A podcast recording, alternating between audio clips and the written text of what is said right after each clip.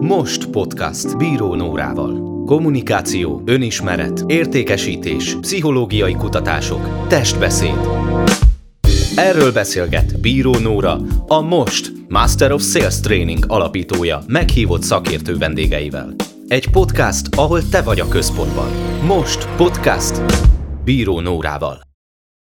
16,7 százalék ennyien dolgoznak otthonról, alkalmanként vagy akár rendszeresen.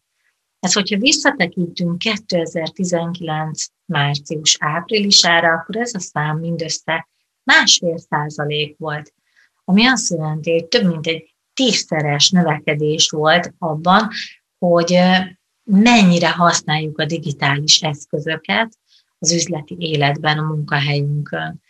Úgyhogy ha csak ezt megnézzük, akkor nem is kérdés, hogy milyen óriási szerepe van a digitális kommunikációnak az üzleti életben.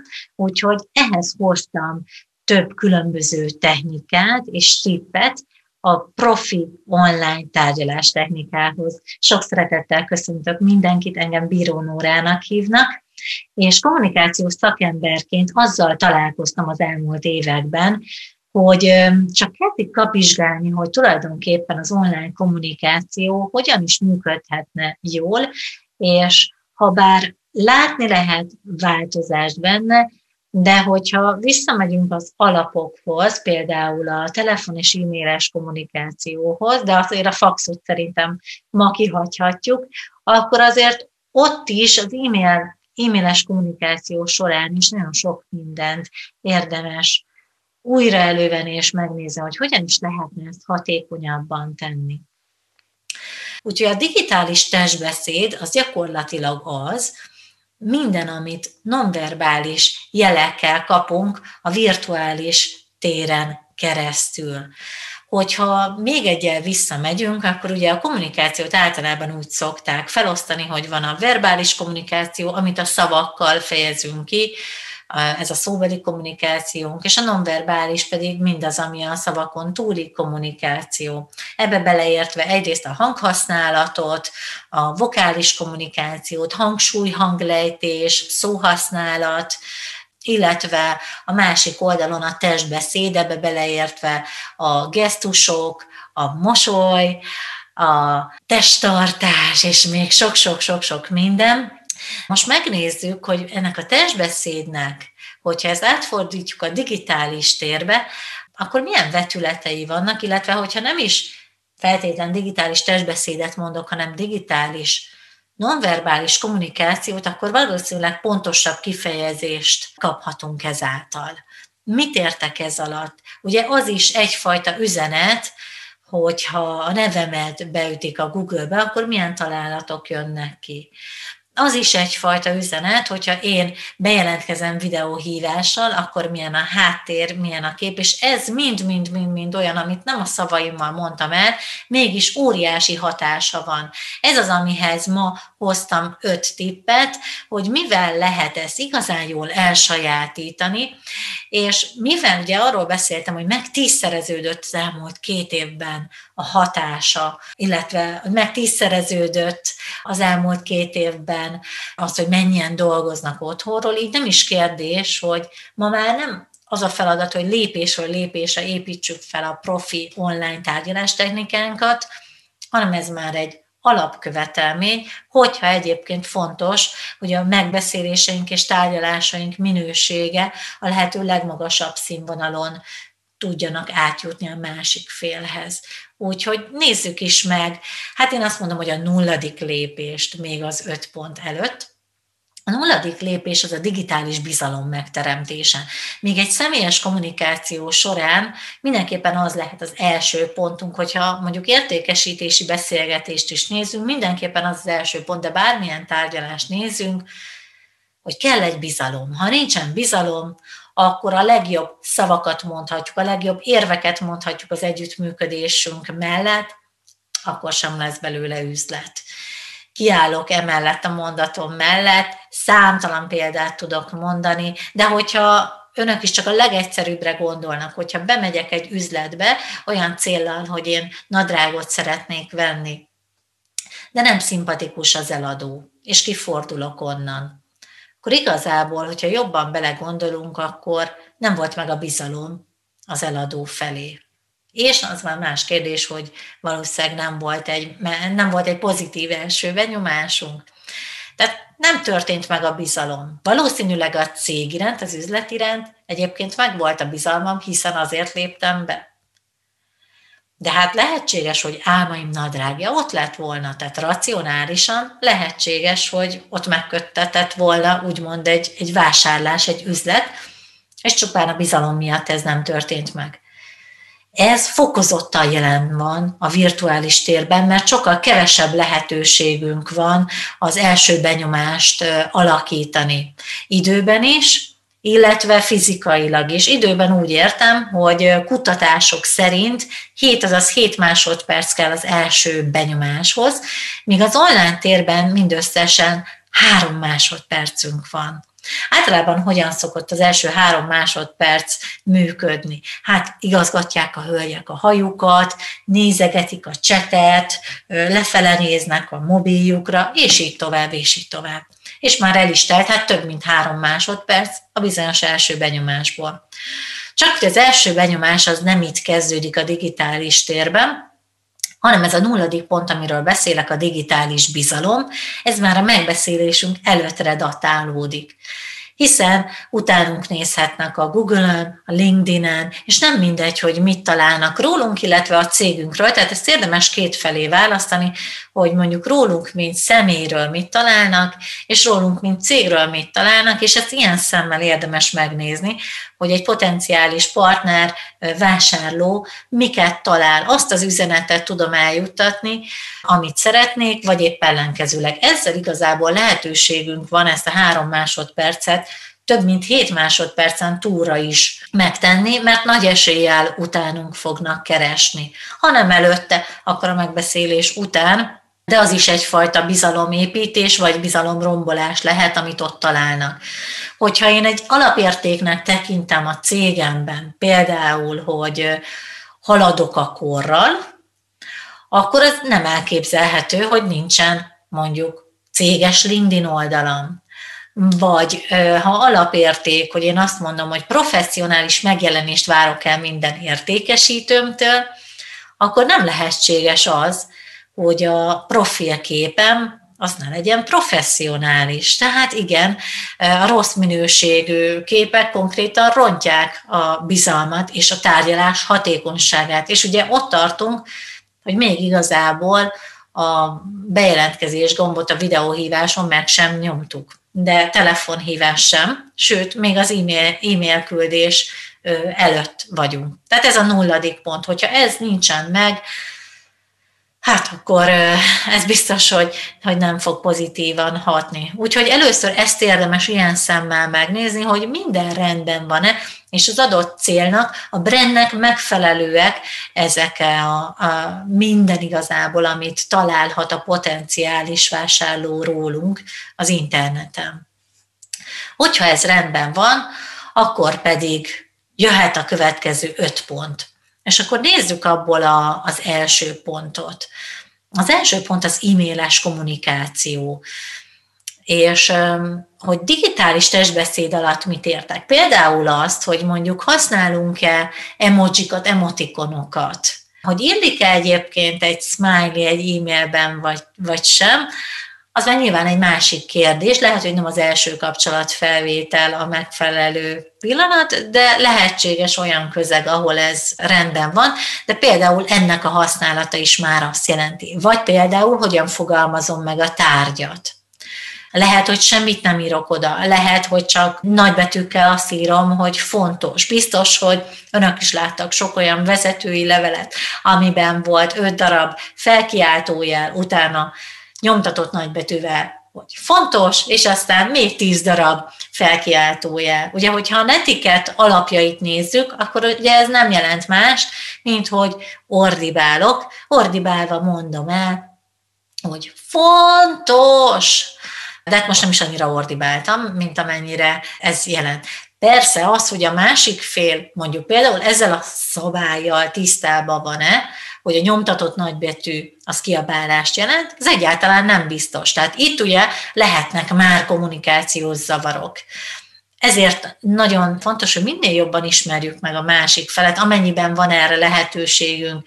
Lehetséges, hogy mondjuk egy e-mail küldés előtt egy telefonhívás ebben tud segíteni. Nyilván a videóhívás utáni e-mail az még jobb lehet, de elképzelhető, hogy csak úgy jön létre mondjuk egy üzlet, hogy előtte egy e-mailes kommunikáció volt. Úgyhogy ezekre érdemes odafigyelni, mert hogy minden, minden üzenet. Például az is digitális testbeszéd, hogyha én kapok egy e-mailt, akkor mennyi idő múlva válaszolok rá. Ma már én azt gondolom, hogy ez 72 óra, ez nagyjából kell, hogy tartsuk ezt a 72 órát. Nyilván attól függ, hogy nekünk is mennyire fontos, vagy mennyire sürgős ez az ügy. Megoldás lehet egyébként egy automatikus üzenetküldés, ez, ami egy megnyugtatás a másik félnek, hogy igen, megkapta, és fog rá válaszolni. De minden esetre ezek mind-mind üzenetek. Az e-mailes kommunikációnál is érdemes ezekre odafigyelni, hogy például akár ilyen egyszerű, hogy a tárgyat hogyan fogalmazom meg. És ilyen értelemben az empátia egy fontos skill, amit érdemes beépítenünk, hogy a másik félre is gondoljak, hogyha ő majd keresni fog az e-mailjai között, akkor hogyan tudja legkönnyebben megtalálni egy-egy kulcs alapján. Például, ha azt írom az adott cégnevet, és beírom, hogy fejlesztési javaslat, vagy együttműködés, együttműködési ajánlat, akkor ott már az adott cégnévre rákeresve, vagy együttműködésre, vagy ajánlatra rákeresve már megkönnyítjük a dolgát. Ha mondjuk első kapcsolatfelvétel, akkor működhet az is, hogy kapcsolatfelvétel és együttműködés, de ott is érdemes beleírni mondjuk akár a saját cégünk nevét, hogy könnyebben rá tudjon keresni. Ami még érdekes, hogy ugye napi szinten rengeteg e-mailt kapunk egy felmérés alapján, több mint 120 e-mailt kapunk, és ennek nagyjából csak a felére szoktunk válaszolni, 60-61.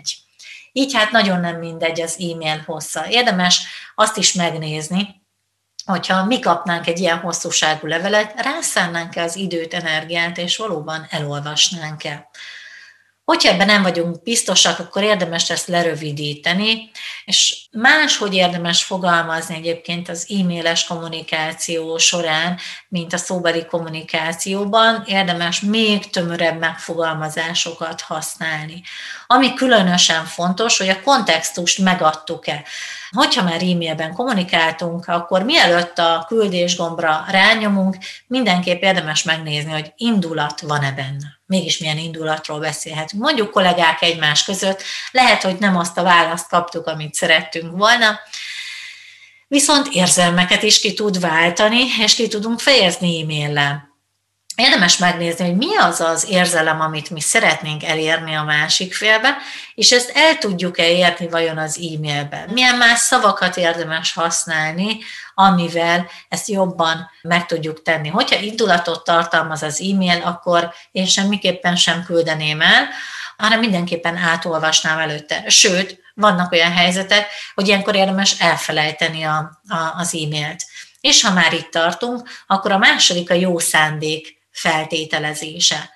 Feltételezzük azt, hogy a másik nem rossz indulatból, nem válaszolt például az öt kérdésünkből csak egyre vagy kettőre, nem azért, mert nem akart, vagy ki akarta kerülni, hanem lehetséges, hogy mi nem fogalmaztuk meg ezt jól, vagy elkerülte a figyelmét, vagy egyszerűen öten voltak körülötte, elvonta az is a figyelmét, éppen magára öntötte a kávét, és gyorsan a küldésgombra ment, anélkül, hogy válaszolt volna a többire, utána pedig elfelejtette a, a többit. Tehát ez nagyon fontos, hogy ne feltételezzünk, hanem kérdezzünk. Ez alatt azt értem, hogy, hogy ilyen esetben ne rögtön egy indulattal teli e-mailt küldjünk, hanem akár telefonon is rá tudunk kérdezni, hogy, vagy, vagy csak tényszerűen megállapítani, hogy öt kérdést írtam számodra az e-mailben, ebből az egyikre kaptam választ, mi történt. Tehát egy nyitott kérdés, és majd el fogja mondani, hogy hú, tényleg ezt elfelejtettem, vagy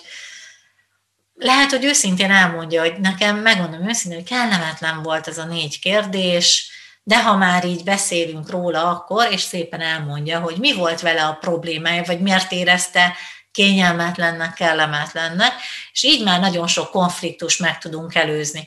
Hogyha abba belegondolnak, hogy az elmúlt egy hét során hány olyan konfliktusuk volt, ami e-mailezésből eredt, és azok utáni feltételezésből, hiszen mondjuk kapunk egy e-mailt, és ebből azt feltételezzük, hogy hű, neki biztos magas volt az ár.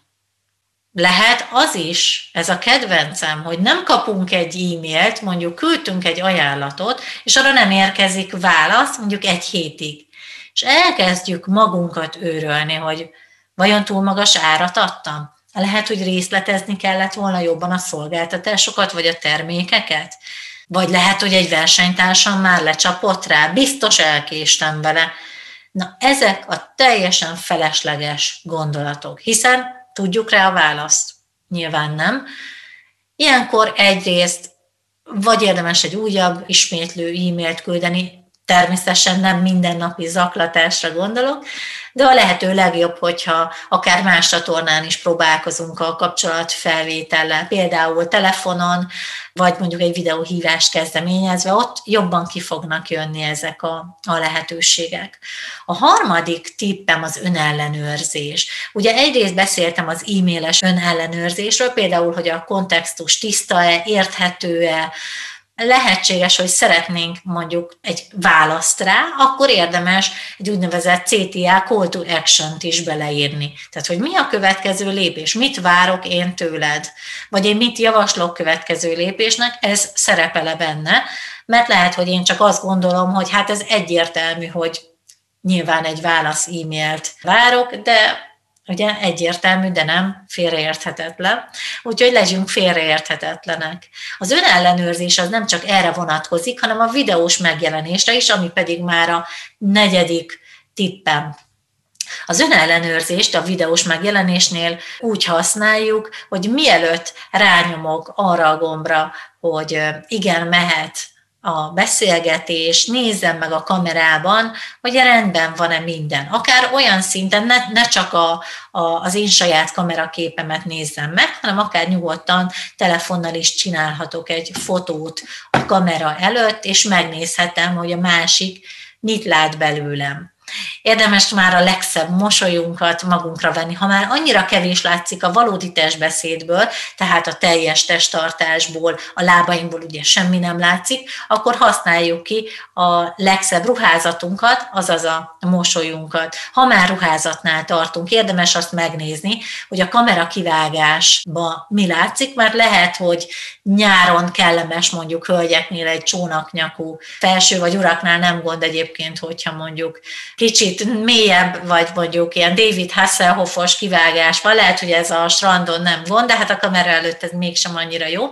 Szóval, hogy ne csak ennyi látszódjon belőlünk, és akkor eléggé furcsa helyzet alakulhat ki hanem érdemes egyébként úgy beállítani a kamerát, hogy a, a kezünkkel a gesztusaink látszódjanak, nézzük meg a hátteret, hogy rendben van-e, az igazából teljesen mindegy, hogy előttünk mi van, a lényeg, hogy mögöttünk mi van, vagy mi nincs. Például jó, hogyha nincsen ablak, mert hogyha hátulról jön a fény, akkor előbb-utóbb, ahogy besötétedik, hát már csak egy fekete pacalt lát a tárgyaló partner, ami szintén nem annyira előnyös. Úgyhogy érdemes a fényekre is odafigyelni, hogy például előről, oldalról érkezzen felénk.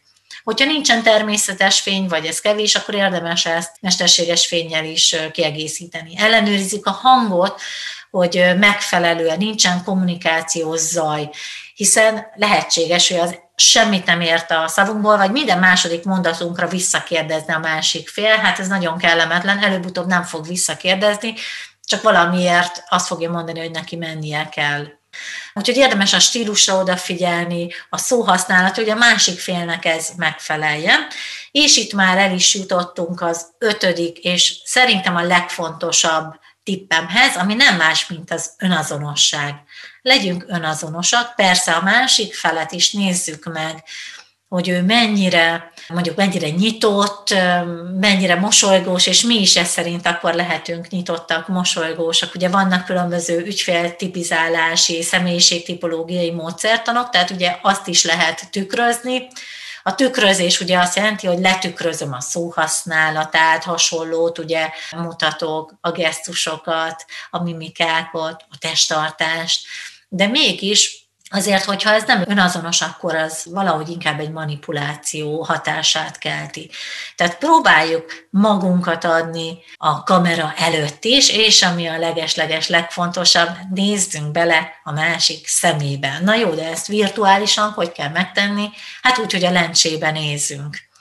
És hogyha azt akarjuk kifejezni, hogy mi őszinték vagyunk, akkor ezen keresztül adjuk át a legtöbb információt a szemünkön keresztül, ha úgymond egyenesen a szemébe, azaz a lencsébe nézünk. Persze jó, hogyha az ő reakcióját is látjuk, és ahogy mondjuk én is most teszem, időnként lelenézek, utána újra vissza a lencsébe, és ez így teljesen rendben lesz. De mindez alatt a legfontosabb, akár e-mailt nézünk, akár telefonos kommunikációt, akár videósan, hogy legyen egyrészt önazonos, másrészt professzionális a megjelenésünk, ahogy nyilván professzionális brandet szeretnénk építeni. Remélem, hogy tudtam ezzel az öt tippel segíteni egy még professzionálisabb online tárgyalástechnika és digitális testbeszéd eléréséért. Kedves hallgatók, köszönjük, hogy velünk tartottatok a mai nap, és hogyha úgy érzitek, hogy ez az adás hasznos lehet akár munkatársatoknak, ismerősötöknek, barátotoknak, akkor nyugodtan osszátok meg velük is, vigyétek a podcast hírét, és hogyha még nem tettétek meg, akkor iratkozzatok fel a Most Podcast Bíró Nórával csatornára, és köszönjük, hogyha akár csillagokkal, akár szöveggel értékeltek minket, és nekünk is adtok visszajelzést. Legyen szép napotok, és tartsatok velük legközelebb is. Sziasztok! Russell